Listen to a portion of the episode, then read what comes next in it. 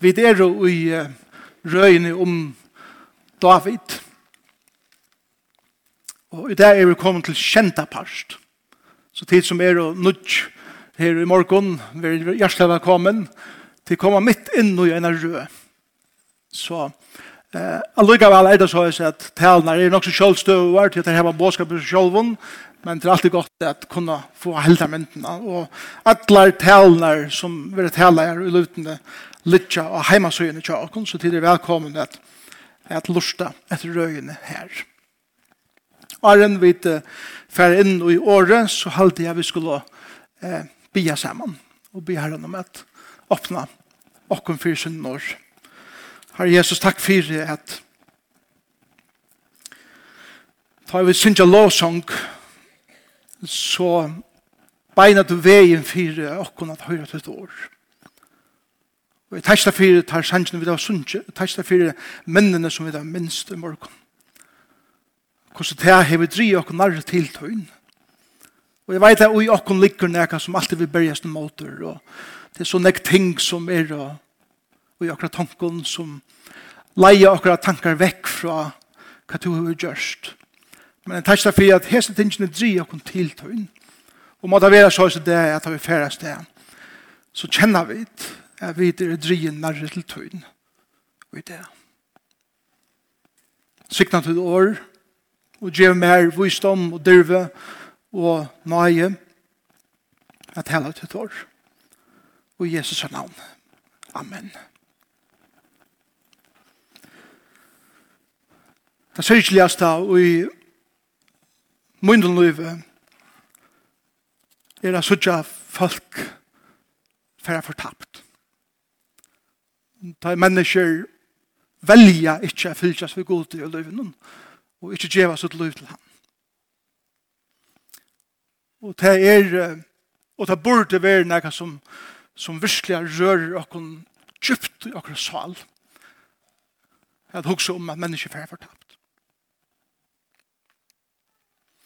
Et annet som valgte min er sal og trolig sorg og som det er gjerra tjokken ötlun som er sikvande er at oppleva ta og i en person som hever valgt er fylgjus vi Jesu veler han fra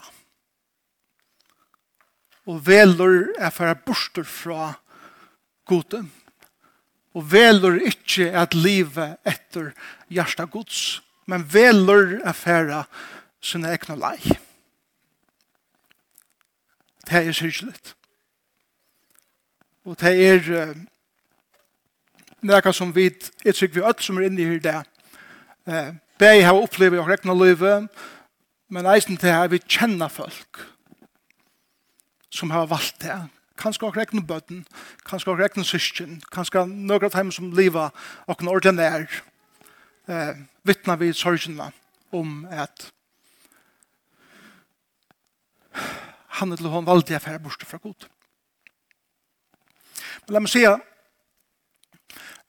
at det er ikke ein okkara og i løyvene som tryggvande som ikke omkud i heve tøyer hver vi det er og i ein andalig myskre hver et eller annet er kommet inn som er vi gjørst her er at jeg på omkring måte bare valgte og eisene tok stiene til at færa, bortsett fra god til å velja, å genka min, min egen lei. Tøyer halde jeg ofta ta i, eller kurser min erfaring, tøyer ta i løyve er så tungt, tøyer ta i, jeg har strøst så negv, tøyer ta i, jeg har bøy etter god til jeg kommer tjøkken noen, ut hos meg bie han om, Og det ser ikke ut til henda meg, det ser ikke ut til at byran som er by, han litt av, men herren ver litt litt av, og er by og bønne god om å gripe inn, og, og at, at, at gjøre et eller annet vi støvende som er jo i, og det ser ut til at ikke hender. Følg han dit? Er det her eisene? David var eisene her. David hei runni undan Saul. Ta Saul døyr, og David var konger, som vi kommer til eh, i neste tale. Er nutjo at holdt og arginje, så gjerne han først måtte renna fra Saul. Nutjo at holdt og Flutjar han. Tverfer har han haft møvleikan, og vi får ikke, vi får ikke dekka til han, vi lever for å bo til han, men tverfer har han haft møvleikan er at drepa Saul. Saul Einar fer i en getti hettelne, ta og han skær høttene av kappan og sjanen, og han fer og sier, Saul, jeg kunne ikke drive det, men Herren har jo sagt vi med at jeg skal ikke drepa Herrens salveie. Og tog jeg spart ut. Tver for her møleikan, jeg slipper seg av i han som var etter seg. Og han tror jeg er god for at løsa seg ur trovleiknen. Men det ser ikke ut til at neka henter. Og da har vi han kommer til hver han sier at jeg, jeg, jeg orsker ikke mer. Og han velger at livet er mellom godleis folk. Og velger at livet er godleis til liv. Og i 16 måneder.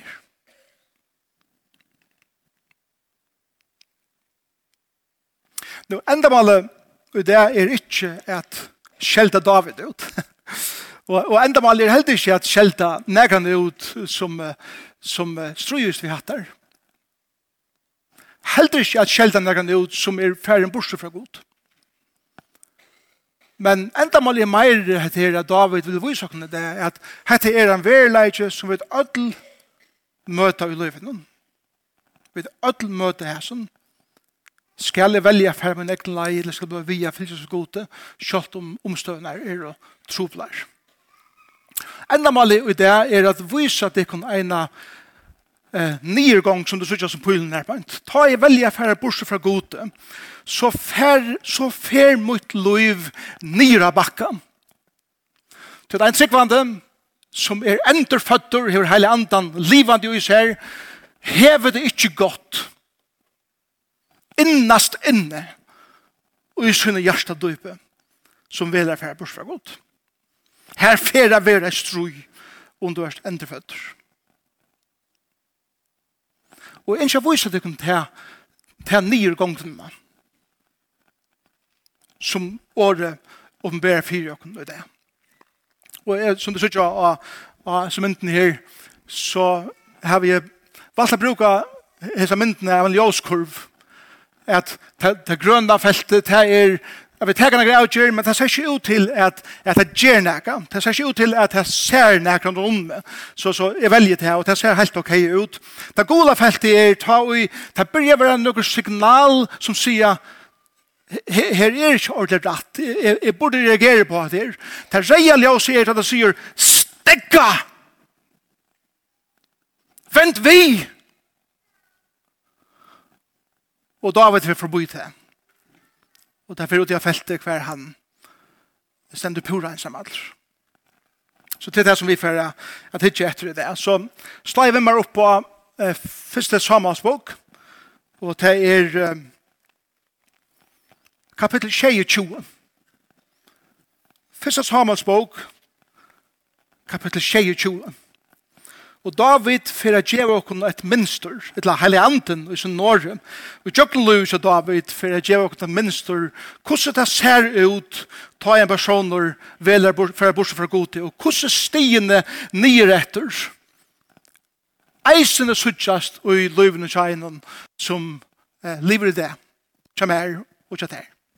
Nå, la meg si et annet, Arne, Arne, vi fyrir inn i det her, og det er er at som et herlig i det, så får jeg tid sikkert, eller helt visst, at her var personer i hoanen som du sier at åh, han gonger hessa leina.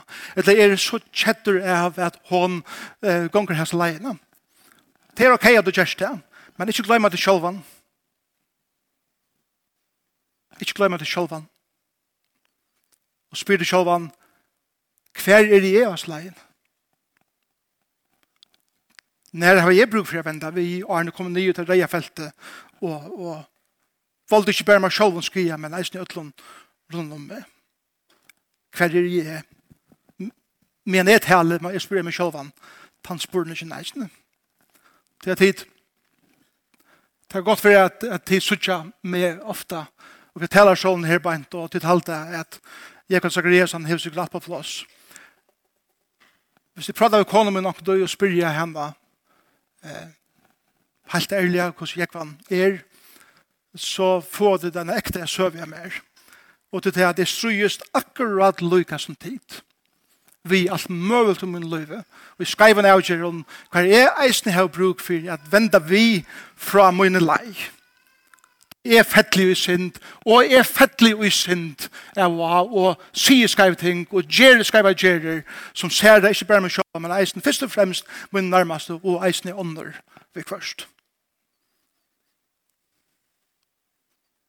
Og er lykker vi som tid, må velge at vende vi, ta jeg ferdig av lei. Og til det som taler i det er om. Det aller første som hender, er det som kallar for egen hoksan. Egen hoksan. Hvis vi leser det første setningen i, i kapittel 22, vers 1, sier så leis, men David hoksaie vi ser sjølven. Hatt det aller første. Nu velger jeg at byrja at hoksa vi mun egnu tankun, et hætje ting i mine egne hender, og jeg begynner at huksa horisontalt i stedet for vertikalt. Jeg begynner at huksa ved mine egne egen, og det som mine egen, og jeg holder noe suttja, og jeg velger ikke suttja langer, helder myndene min løyve, og jeg gjør noe gods eier. Jeg tætje ting i mine egne hender nå, og jeg velger jeg bruker mine egne sunne fornuft til at jeg kan nekker avgjører og min egna livet. David sier, jeg finner finnet nok. Og jeg tar ikke støvna og jeg egnar hender. Og jeg er at man har løysa at han trobeleikene som er jo i. Nå, Hatta grunn for at det er grønt. Det kvørst er at her er det godt, og vi skulle teka arbeid, og alle tingene her på Men til men, men til en undertone. Og undertonen er han som sier, jeg vil teka det egne hendur, og jeg velger ikke at lust etter god til langer. Det her måneder ned. Jeg velger hva god ut av min tanken, og nå velger jeg at selv jeg teka mine egne avgjør. Det er det første som hender. Og det er en humanistisk hoksnarotter som setter seg sjølvan i sentrum av sin egne løyve, og god vil flutter ur sentrum. Og jeg tar ikke alle avgjørene ut fra hva det er sjølver søtje, utan jeg søtje god og minne støv. Det er det første som hender til en person som veler å fære bortsett fra god. Det neste som hender, det er det som jeg kallar for neilig, eh, neilig hukvor, at huksa pessimistisk. At man ser bare trobeleggene i øtlen, man ser bare at han negativa i øtlen. Legg meg ikke til hva han så sier. Eina for, David sier, eina for kom i er nu korsene at leta løyv for hans hals. Jeg har ikke godt at vanta mer. Hoks det kun, heter det samme unge maveren, som for noen år siden hei dripe risan, som de sungo om at David hever dripe sinne 20.000 og Saul sinne 1000. Samme maveren sier nu, jeg heve, her er ikke etter, her er ikke godt av vanta mer, alt er av hundan til og luven kommer, og det passer på en måte. Men nu ser han det fra egen egen, og Han blir nejlig, han blir pessimistisk. Men minst til, Jonathan, har sagt vi David, da han trøsta igjen, at to først av den neste kongren, papen min for ikke klare å drepe alt. Ødre og om han hadde mynta nå at to er han som verit den neste leieren. Samuel hei finner katt fra god til å salva hendan unga mannen til kong. Og allikevel kommer han her, kan ikke vel høre deg. Og til det neste som henter, til en som velger for her bortsett fra herren. Til veler, er velger, ikke at høyre til positive røttene og til neive røttene som taler innom mitt liv, og minne meg av hver jeg er. Men jeg hittir at fjallene og trobeleggene sier, ja, men det ser så vognløst ut nå, at det er ikke vogn for meg. Jeg vil nødt til å ta til min egen hender og gjøre meg hver min egen lei. Jeg tog meg ikke lyst til dette til til kjenne tannåringar som er så gjerdig til foreldre. Ta i tid til å vite foreldre ikke er cool mer. Og bøttene velger sin egna vei, sin egna lei, og de vil ikke høre okken. Og de begynner å genge hese leiene. Åh, det er, man, man kjenner seg hjelpersleisene. Man fer ikke gjørst enn bæra at bya fyrir dem og fylgja vitt dem. Men det blir så negativt. Det sars bare trobleikene. Det sars bare vånløse. Det sars bare det pessimistiske. Alt er negativt. Skeptiskur, kritiskur om alt rundt om det. Det er det neste som hender. Det meg ikke slik at hender nummer 3. Det tredje som hender er det som vi kallar for trångskikter. Det Legger ikke til David sier. Det er mitt i vers 1 nå. Han sier, «Jeg vet ikke ånder rå enn å rymme til Filisterland. Så djever Saul og Pet av leid etter mer, det sann i Israelslandet, og jeg slipper undan hånd hans herre.» Det er akkurat som at jeg, jeg vil bare gjøre akkurat for jeg slipper av heta truste. Jeg vil bare gjøre okkur som slipper av heta trobeleikene. Jeg orsker hette ikke meir. Og hva gjør David? Han, miss, han misser sin rationalistiske hoksnarhått, og han blir trangskikter, og han hokser at det er bare ein utvever, i snir. Og tar man høkker, tar man høkker horisontalt, og tar man høkker ved menneskens egen, så får det alltid være så at det ikke sitter utveien er ur trobeleikene om min løyve. Så jeg, jeg glemmer at hitje vertikalt, jeg glemmer at hitje oppetter, jeg glemmer at jeg minnes til at Gud hever alltid mer enn ena løsn. Han er alltid tver, tror jeg, 4, 5, 6, 6 løsner. Da jeg kom i trobeleikene om min løyve, at leie meg i kjøkken der. Som er at de er trobeleikene. Men da vi kom ut, kom vi ut sterskare. Men David har valgt at her er bare et å gjøre, og til er færre, og det som er så utrolig her, er til at David sier, er færre til Filisterland. Og han fyrir gatt. Hva var for gatt?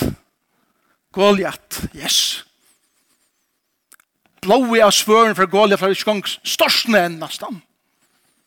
Akis var konger og i gatt, og han fer nu til sin ærska fudgjenda er finna fri. Og han fer av sted.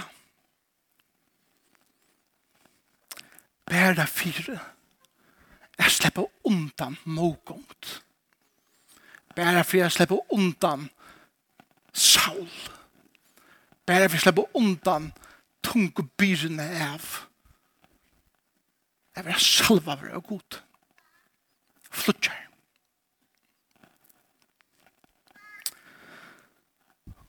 Og det er fjóra som hender. Og nu kommer vi til av gula felt. Nu, nu, nu blir det noe signal at, at henta.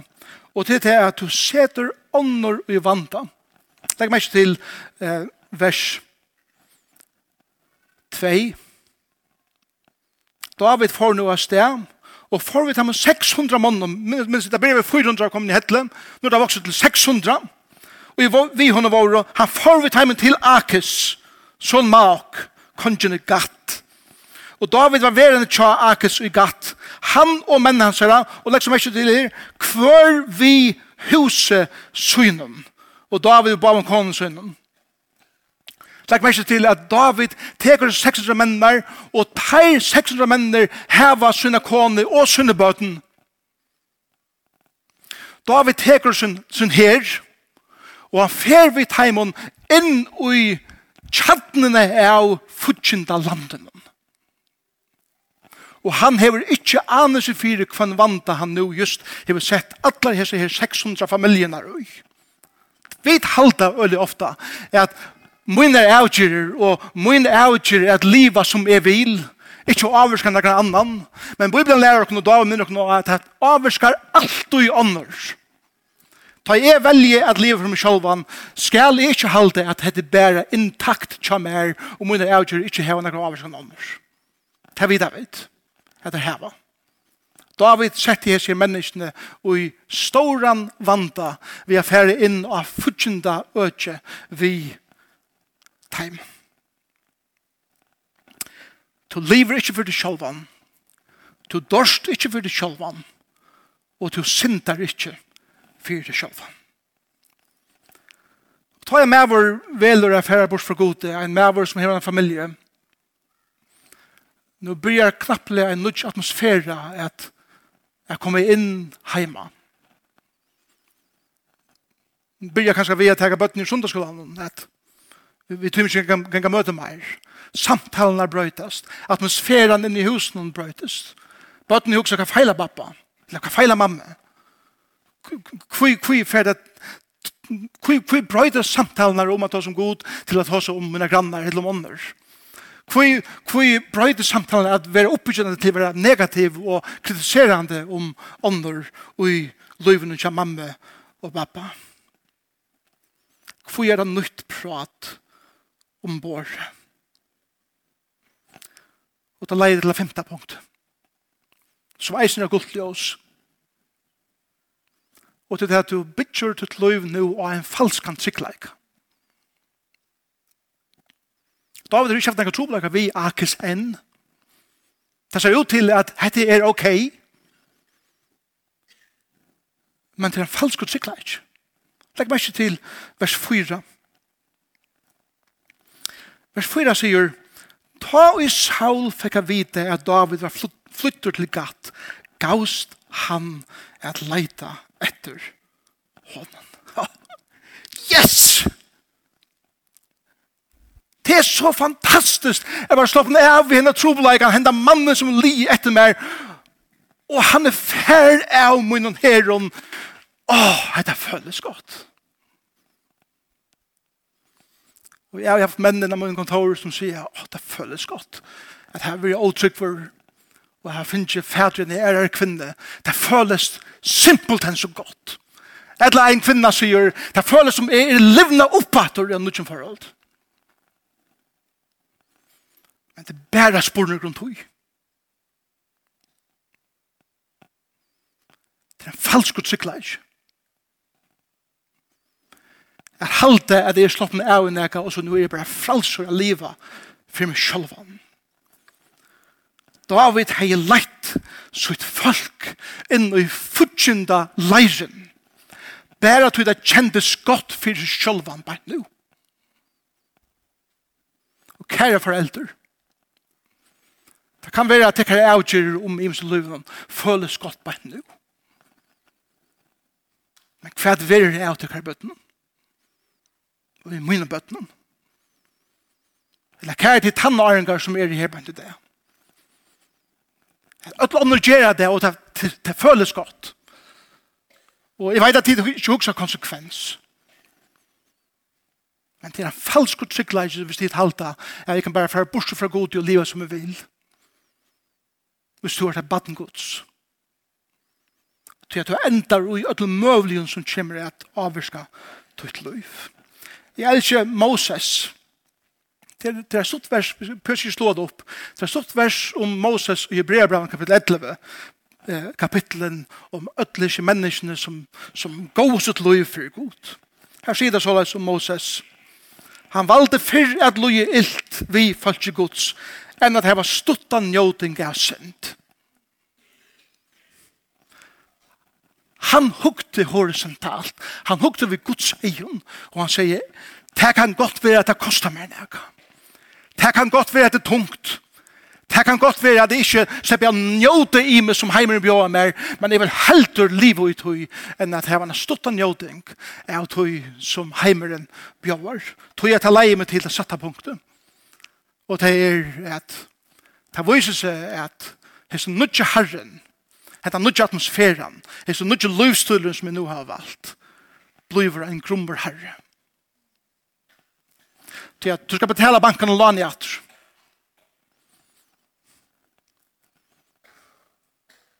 For du kommer inn i en ære avtale ved en annen person, så er det ikke bare etter tøynen forsøyten, så er det en krøv som fylgjer vi tøy.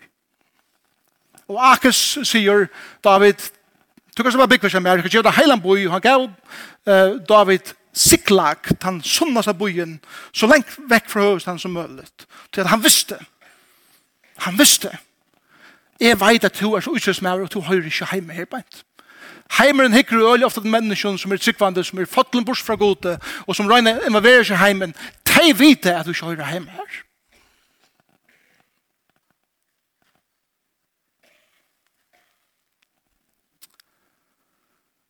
Og Akesbyrger er blevet en grummer herre som fyrir krevja kostnaden av at liva i sin land. Legg meg ikke til hva hender.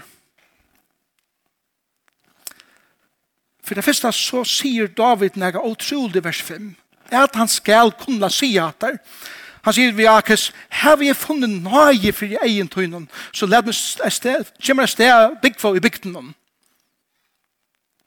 Så leser vi vers 6. Akers let han få siklag. Vers 6. Tøyen og David bo i Flisterlandet var alt var i alt ett år og fyra måneder. Og Akers blir krevja noen ting fra David. De tingene som David fer a gjerra som Akers krever, leier okken inn til reiafelt. Og det er nummer tjei. Og til det David, han enda vi a gjerra ting som han aldri i liven han hei tro at han nærkant for a gjerra Han, ger, han hever en åhuksande ædbor i synen livet. La meg lesa vers 8 fyrir dere. David og mennene hans var ut og rante fra Gesuritten og Girsitten og Amalekitten. Det hette var folk og fra Fotnon tøyen hadde bo her og i landen i en måte sur og lykke til Egyptalands. Ta i David herja i og i landen let han kvørste mann eller kvinne liva etter. Men småfæt, neid, esel, kameler og klæje, tog han visser, og forsyn heimater, og kom til Akers. Det er det mest til hva David gjør i smersen.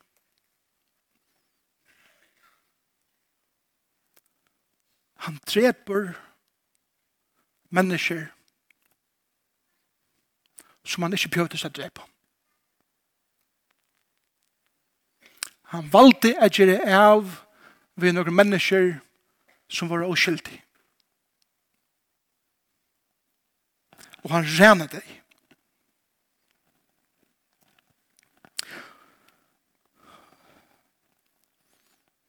Jeg kjenner folk som har haft noen først grunnvirer i livet. Som har vendt seg fra dem. Og og som sier vi med, ofta vi tar den i egen, at det som jeg har gjort ut i livene som nå lever, er det ting som jeg aldri har jeg tro at det er nærkrande for å gjøre. Min moraler og min etikker er fullkomlig affæren av lei. Og de tingene som vi nå gjør, det, særa meg sjølvan, og særa alle ånder rundt om meg. Men for jeg kunne iveliva det, og for jeg kunne rasjonalisere det, må jeg gjøre av i mine kjensler. Og gjøre av i som en ting som minner meg av mine samviske i løyvene. Jeg må drepa til høyre og til venstre, for jeg at klare det iveliva. Henda maten et livet på. Og ta leie til nummer åtta, at sannleikken svinner. Jeg leier deg disse vikene et korst ut av av Facebook-synet til løftene. For jeg viser deg om det henne sannleikken her på en at, at David, han, han rener i vestere parten av Sorlanden i Jota. Men han forteller for Akers at det er i, i estere parten og rener. Det som, det som David gjør her på en er til at Akers har kraft Jeg leser med reglene nå. Han er i kraft at ein pastor av tunnen ranen er eisne at rena til egna folk, jødaner. Men det vil David ikke. Men han fer så nær og punter marsje som møvlet. Han er så mye sunnelig at han er med til andre folkeslag som ikke er jøter, men av marsjen. Og så leser vi nega helt øyligt i, i vers 11. Legg meg ikke til hva David gjør. David lett hverstje mann eller kvinne livet etter. Hvor? Så de kunne komme til gatt, til han også sier, de kunne slætre om okkurst og sagt, så og så har David gjørst. Så la seg han bor i seg at alle tøyene han vil bo i Filisterland. Så David, han, han lujer. Han ger kompromi her, men han for ger sina gerer vi at likva. Han, han utrotrar pregv for hans her gerer. Littla kvida likner, halva sannleikar. Og den omtås. Fyrir at det ikke skal være fengaver ut som vi gerer. Og tog gerer bare avvis nek som møvlig, så det er ønsken for å fortelle sannleikan for Jakes at jeg fyrir slett ikke et rusus men jeg fyrir røren fyrir Og så lest kommer hessene kunsteren at likva inn i livet til honom, og derfor til verre at jeg kjenner hans liv settende. Vi vet ikke for en av hans 600 mannen våre, eller vær. En av 600 hermannen, eller en av de 600 hermannen, og i livet som kommer inn i livet til David som kom inn vi synar familie vi lever ikke David som David hei bjerga og han er varst vet du hva han er? Til han liste i kappan i Kjøshaul til David og i er samansbok 23 og i vers 23 her er et navn. Og her stender en av kappen som David elskar og som elskar David er at Uria hittitter og han doe sammen med David vi sønner kone og sønner bøttene, bøttene her. Ordet er tittor for å komme opp på det settene. Minnes at han navn. Det var en pastor av familien til David. Men i Filisterlandet har David last. Jeg gjør kompromis. Jeg snur seg undan. Halva likner, halva sannleikar. Det lærte han her og det kom atter en brekke settene. Så sannleggen svinner. Så gjerne den nødgjende som hender er det at folk begynner med så alit Så jeg søver genga om David. Søver er om David at her er okkur gal vi, vi tog som man gjer. Så jeg, og i kapitel 28 fer filister her i krutsk mot Israel. Og høvdingene til filisteren sier, vi vilja ikke heva David vi, tog jeg vid høyre søver om han. Og vi vet at han er gjøte, og hver veit er at mitt i krynen vi Israels folk. For han er at venda seg imot jakken, og for i parste vi Israel. Vi vilja ikke heva han vi, Og det er det som er en avleggingen av ta og i sannleggen svinner, og jeg begynner ikke å være avledende langer til det er folk misser avled av det her. Og folk misser avled av mer. Tøy er ikke mer er uten omtås, og er ikke avledende og i tøy som er sige. Tøy det samsvarer ikke vi til her søvner som ganger om Folk snakker. Og misser avled og til leie til til nudgjenda, etter tudgjenda, etter misser sin samleik. Og til til at Ake sier vi igjen, du slipper ikke være parser akkur langer. Du slipper ikke være vi akkur langer. Du slipper ikke at krutjast vi akkur langer. Vi vil ikke hava det vi. Og knapplega hever David mist sin identitet. Han er kvarst i Israel, og han er heldig ikke i flestare landet langer. Han rikkar ångandu i kærtid at han var eit bein og i kvarjen leire. Jeg fylgjer seg synd vi gode, men annars vil vi heimen om. Du missur tuin identitet vi er røyna er gjerra det. Om du erst her, så sier det reia feltet vi til, og det sier vi med, vend vi. Flutja fra oss, til det som nå hender er til at David fer enda langer. Eller avlegginga der er vi ikke vent vi kommer nå. I, vers, eller, i, i punkt 11. Her er hender det her at han volter øren vannlokk. Det tar i David her norr fra Israel kommer atter til Siklag. Les vi bare i kapittel 3. Vers 4. Vers 4 For å komme etter til Siklag, her var heva, futsin den rant Siklag, og tar heva brent bojen nyer, og tar heva tidsi konar og bøttene tja mannen. Og vers 4, her stender, ta skåret tar ui a grata. Bæg David og menner, og vi hånd våre, og tar gråta en til tar ikkje våre menter a grata langr avlengene av syndene til David gjør det til at 600 manns mistet tar koner og tar bøten. Og tar bojer var nye brønt. Synd kostar. Det kostar å vende seg fra gode. Det er avleggingar å vende seg fra gode og genga sine egne leie. Rokningen kommer. Og David fyrir oppløsning, og tar grata og grata og grata, tog at han har mist alt. Gleden og sikraner og alle tingene som det er rant, hei ønskja tøya langer, tog at han har mist det som er aller døyra bærast. Og det er sinne mekar og sinne bøten. Og til endan, det tølta og det sørsta som hender, til det at han misser alt. Legg meg ikke til vers 6. Sjálfur kom David det stora nei. at året nei er det samme året som tunglent. David kom inn i den fattelige djupa depresjon. Det er det som hendte. Men nå er Løyvis han vant. Legg meg ikke til hva verset sier. Tøy mennene atla og et steinan så harmer og sorgar for det vårt her om syner og døter syner. Her misser David tar mennar som kom til han i hettelen og i adullam. Nu hever han leitar ut i slukt ofør at her venda seg i motron. Vi skulle bare komme nå lengt bortsett fra gode og valda nå nekva eh, nå nekva roleika og i avgjør som vi teka bortsett fra gode. At dæveren kommer at okkara allar nærmast og sia hertil og ikkje langur.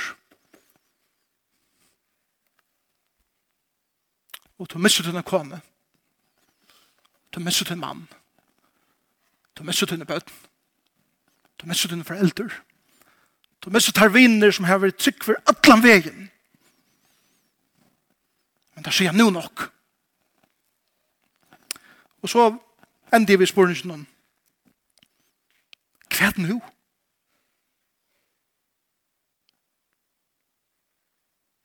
Hva er det nå? Og her er det flere velja at her er sitt hjerte enn meg. Og færre ut i et liv som er uisakalt.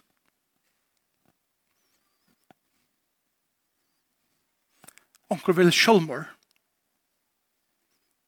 til det kommer her til.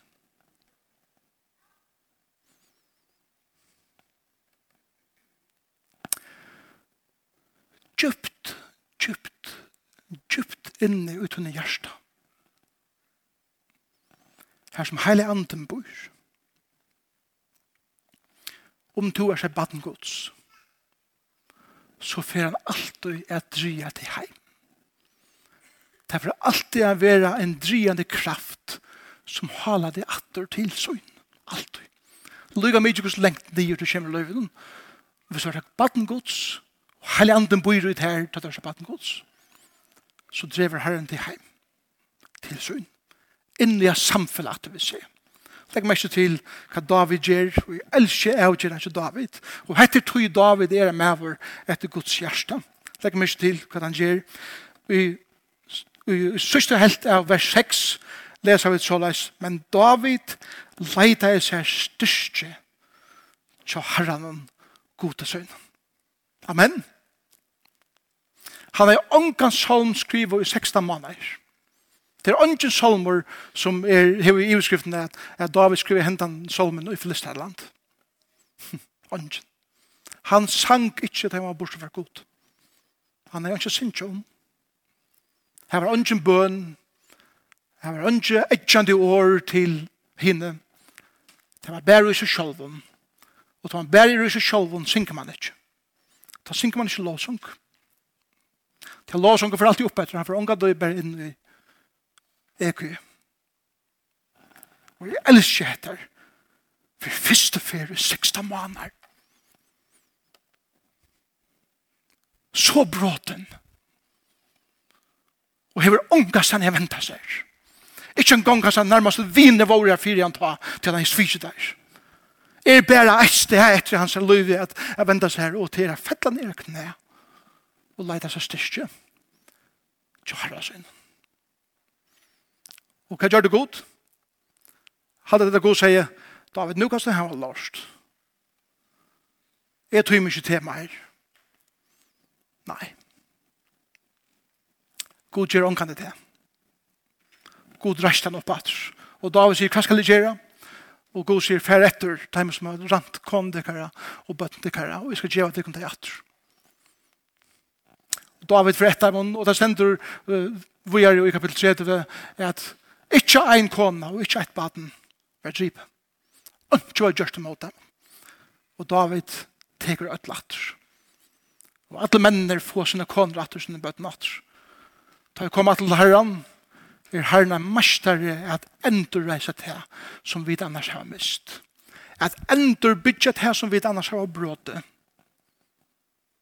At blåse liv ut til som vi har dripe. Og at gjøre nudja vogn ut til som sa vognest ut av oss. God gjør til vi tutt liv kære bror og syster som er ångsten alene hva du vent til for gode. Og hva er jeg alene hva jeg venter meg for gode. Ta og jeg venter vi er han her. Og han reiser meg opp. Men la meg si etter og jeg får sikkert her resten er av hese røyene. Konsekvensen er av det som David gjør det. Færre at henga vi. Ting som David lærte i flest av landet færre at henga vi konsekvenser av synd i okra løyve færa alt og at henga vi. Det er en parster av løyven. Og sjalt om god reiser okra oppater, og han endur reiser okra familier, og han endur reiser alt det som er fattle så er det alltid konsekvenser som David måtte læra livet vi resten av sin liv, og som jeg må læra livet vi resten av min liv. Da måtte jeg enda vi hesson. David har vist okken hver vi kunne enda om et hertje, jeg og gjerne for min egna liv, og i min egna hender, og i skumpe god til søys. Det heter en avværing til møyen og klokken ødel, om ikke å komme her til. Det neste som vi vil spørre som jeg enda er etter, er du over vi at når så talen, eller i talen i det, hver to erst, eller er jeg vær over vi hver jeg er, det ut i grøna, gula eller reia felten. Hugsa vel hver to erst. Og om det er reia lamper som lyser til løyve, vend vi. Kanna grøna lampene er. Ta du tenker å ha byrt som et eia, men er det åttan god, så er sånn skal være lei. Wilbur Chapman sier så leis. Det er ikke til at skipet er i sjekve, men at sjekver er i skipene som gjør at skipet søkker. Og han sier, til det samme vi løyven og tja en tryggvande. Det er ikke hinn tryggvande i heimen, men heimeren og hinn tryggvande som gjør at han søkker. Og la dere kunne ansa vel etter hvordan vi vil livet. Og komme alltid til Herren Det er det som hender i Filisterland. Det som hender i landene bortsett fra gode. For jeg henger py av henne. Resten av løyvene. Lær dere til å og i landene som reiser til nøye. Og i stedet for landene hver en grummer herre ræver.